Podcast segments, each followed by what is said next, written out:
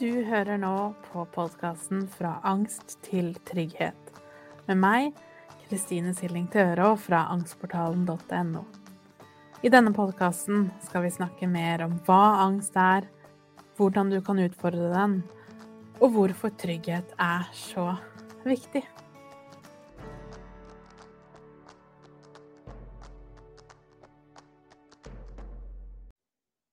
Hei og velkommen til episode 36, hvor vi skal snakke om trening med angst. Så nærmere bestemt fire grunner til at det å trene når du har angst, er vanskelig. Men aller først hadde jeg bare lyst til å si at jeg beklager at stemmen min er litt så som så i dag. Jeg har blitt litt forkjøla, smitta selvfølgelig fra Linnea og barnehage, men vi prøver allikevel, så jeg håper at det ikke er for irriterende. Så grunnen til at vi skal snakke om nettopp da trening med angst, det er jo fordi at det å starte å trene, eller å fortsette å trene når du har angst, kan skape noen problemer. Det kan rett og slett trigge en del ting i oss. Og derfor så er dette også tema nå i oktober i Angstportalen. Hvor vi bl.a. får besøk av en gjest eh, som skal snakke litt mer om dette. Og hun er personlig trener og sliter selv med angst. og jobber nesten bare med folk som enten sliter med angst eller av andre grunner syns det er vanskelig å være i aktivitet. Så derfor så skal vi i denne episoden snakke om da fire grunner til at det å trene når du har angst, kan være vanskelig. Så det første er jo symptomene. For det er jo sånn at de symptomene du får i kroppen av å trene og det å være i aktivitet, de er ganske like angstsymptomene. Og egentlig akkurat de samme som angstsymptomene. Så det å oppleve angst, det er jo et traume. Det, når du første gang fikk angst, enten om den kom brått og voldsomt, eller den bygde seg opp over tid, så er jo det et traume som hjernen din vil huske. Og derfor så vil den jo passe på at den er litt føre var. Så ved minste tegn på symptomer på at det kanskje skjer igjen, så trigger det igjen angst.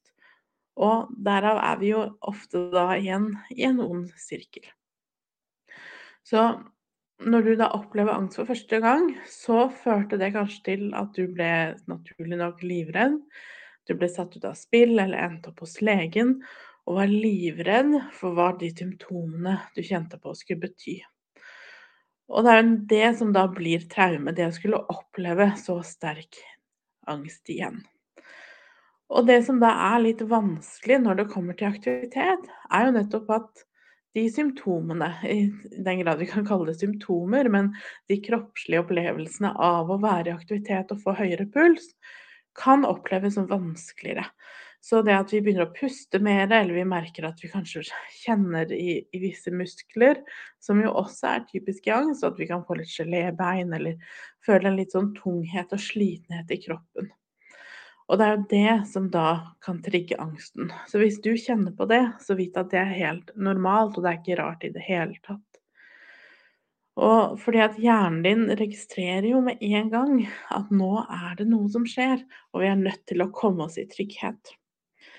Men ehm, med en gang da symptomene kommer, så kan det da trigge et panikkanfall eller et angstanfall og få høy angst. Spesielt når vi ikke har øvd så mye på akkurat det her. Ehm, og som sagt, da i Angstportalen i oktober, så er det nettopp dette her vi skal snakke om i praksis, og hva kan vi gjøre i praksis. Men jeg tror det viktigste av alt, for alt vi snakker om egentlig, er jo det å i det hele tatt vite at det er en grunn til at det kanskje kan være ekstra vanskelig for deg. At det ikke handler om at du verken er lat eller dum eller hva det måtte være. Men det er ganske naturlig at aktivitet, trening og bevegelse kan trigge angsten.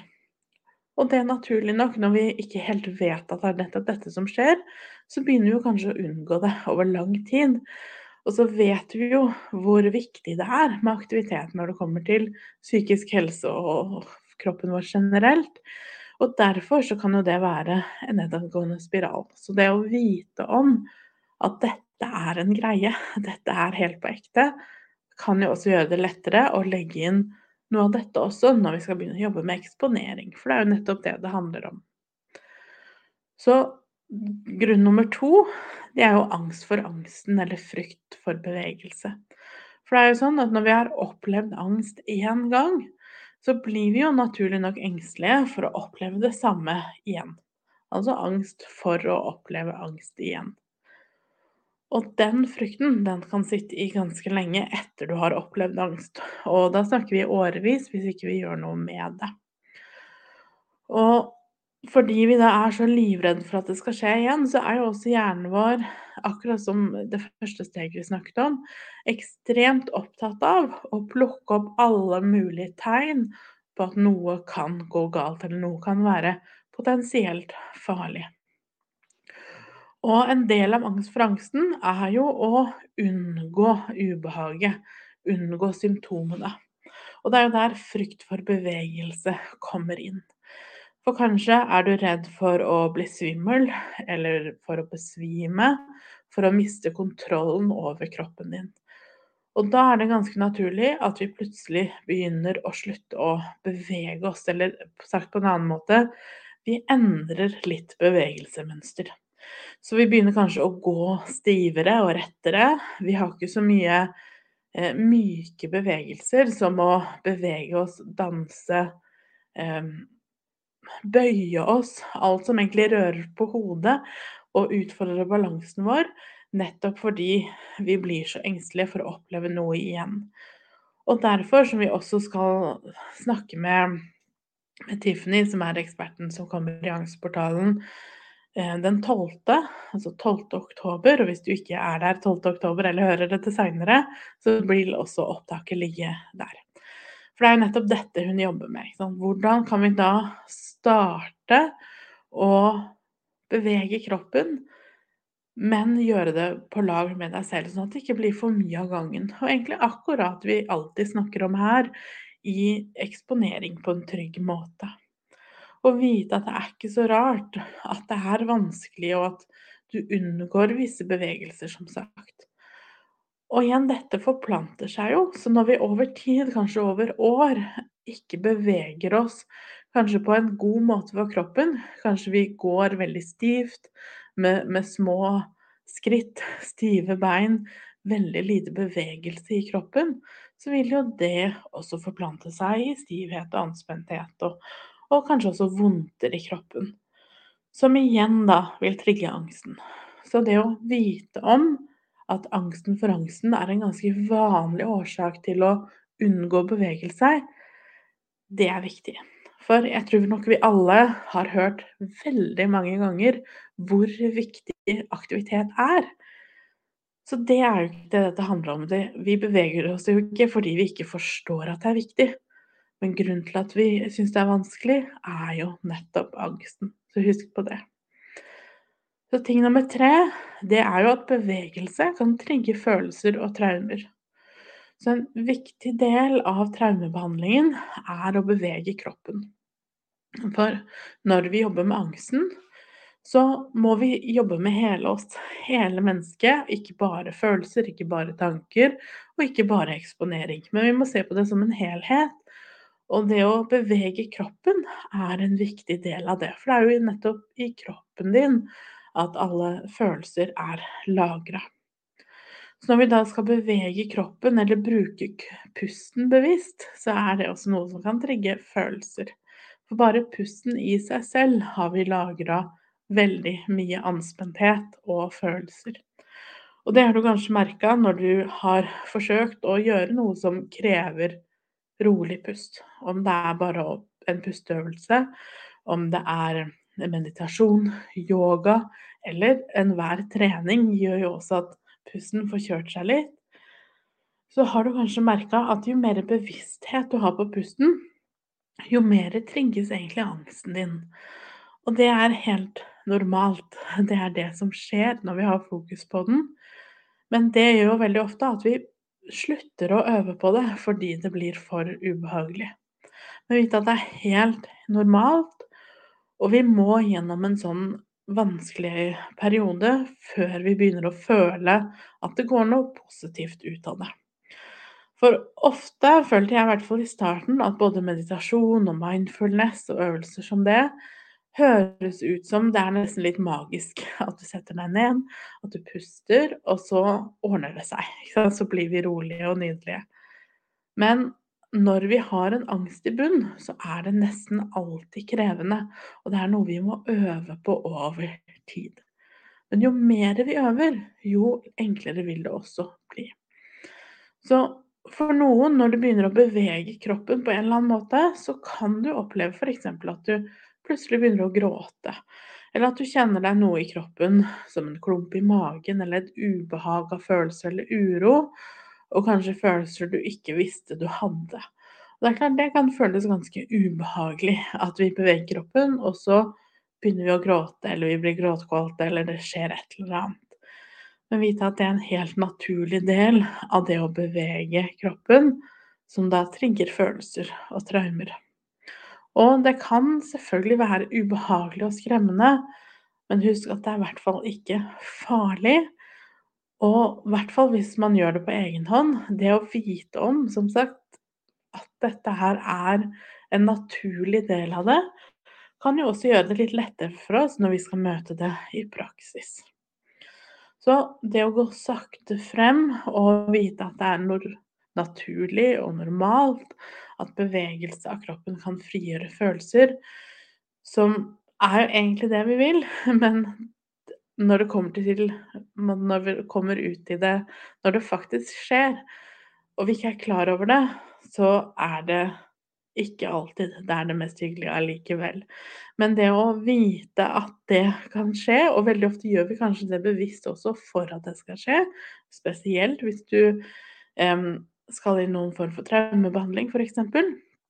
Men å gå sakte frem og teste det ut litt for deg selv, og vite hva du skal gjøre til hvert steg, det tenker jeg er viktig. Så nummer fire, det er jo vanskelig forhold til egen kropp. Altså trening og fysisk aktivitet kan være vanskelig hvis vi i bunn har en vanskelig forhold til egen kropp. For det er klart, det å bevege en kropp som vi har vonde følelser rundt, kan også være vanskelig. Så det kan føles retraumatiserende for noen når du skal begynne å bevege kroppen. Og kanskje spesielt fordi det er så sårt, og kanskje hvis du skal trene på et senter hvor det er mange andre som kan se deg, eller på timer, eller med en PT, eller rett og slett bare ute blant folk, så kan jo det naturlig nok føre til at det er et sterkt ubehag og vanskelig, som igjen naturlig nok fører til veldig ofte at vi utsetter og utsetter.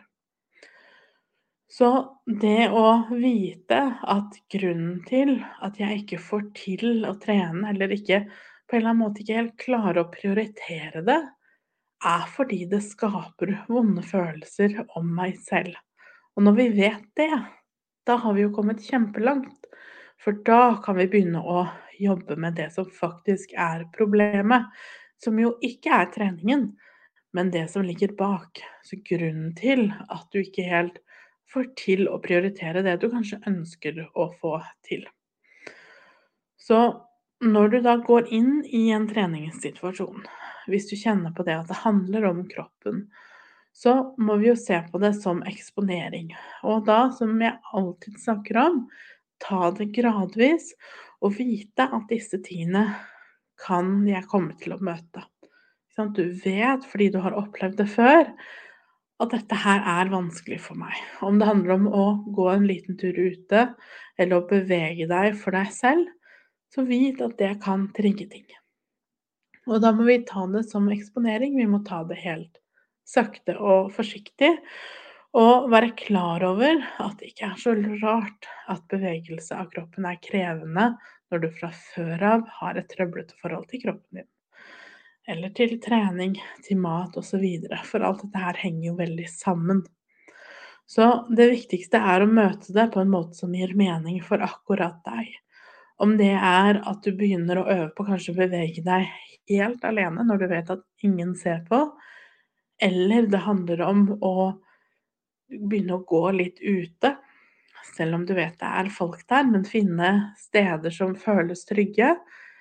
Eller det å få en personlig trener, f.eks., eller noen som er gode på å møte deg én til én, som kan hjelpe deg å være der når du synes at ting er vanskelig.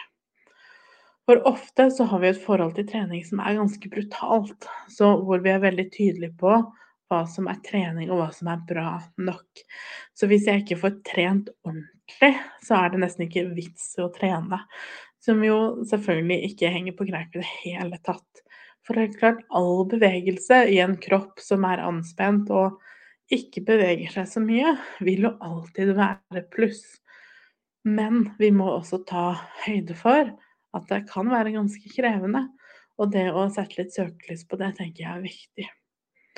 Så i stedet for å starte der vi er og tenke at trening skal være bra for deg og bra for din kropp, så presser vi oss kanskje litt for hardt.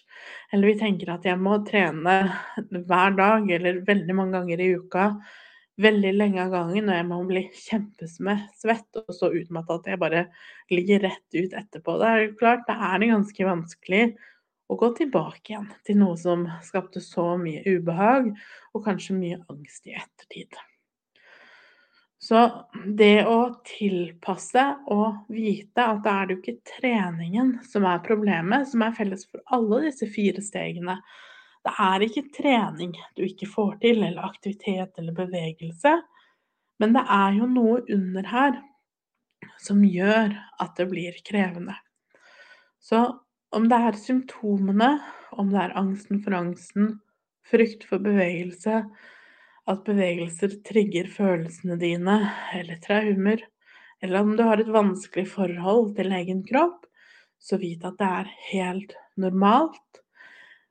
Da er det ikke treningen, som sagt, vi må kjempe mer for å beholde, men heller undre oss litt under alt det her. Og dette skal vi snakke mye mer om nå i oktober i Angstportalen. Så hopp inn der, der finner du også kalenderen over alt som foregår. Jeg skal dele min reise når det kommer til trening, og jeg starta i en angst min var på det verste, rundt i 2015 hvor jeg sto rett opp og ned på gulvet og hylgråt fordi jeg turte ikke å bevege meg, jeg turte ikke å bøye meg, jeg turte ingenting. Um, hvor jeg i dag trener tre ganger i uka med personlig trener, eh, og endelig klarer å pushe meg, noe som har vært en kjempestor kamp, å tørre. Så jeg skal snakke mer om det også i en bonuspodkast i Angstportalen innen neste uke. Altså neste uke hvis du hører på dette når det kommer ut. Så den kommer ut 17. oktober. Men alle opptak blir liggende inne i portalen hvis du har lyst til å se det seinere, sånn at du vet det. Så ta godt vare på deg selv. Husk at det er ikke noe galt med deg. Disse tingene er krevende, det er sårt, og det er vanskelig. Så ta det gradvis. Pass på deg selv, og bli med og lær mer om det her i Angstportalen. Og der ses vi allerede den 12. oktober halv fem, hvor vi skal snakke med Tiffany, som er personlig trener med angst. Så jeg gleder meg veldig til. Ta godt vare på deg selv, så snakkes vi. For å lære mer om angstmestring og mine metoder, så går du til angstportalen.no. Du finner meg også på Instagram som Angstpedagogen, og på Facebook som angstportalen.no. Der har jeg også en gratis Facebook-gruppe hvis du har lyst til å komme i gang og bli kjent med andre som har det på samme måte.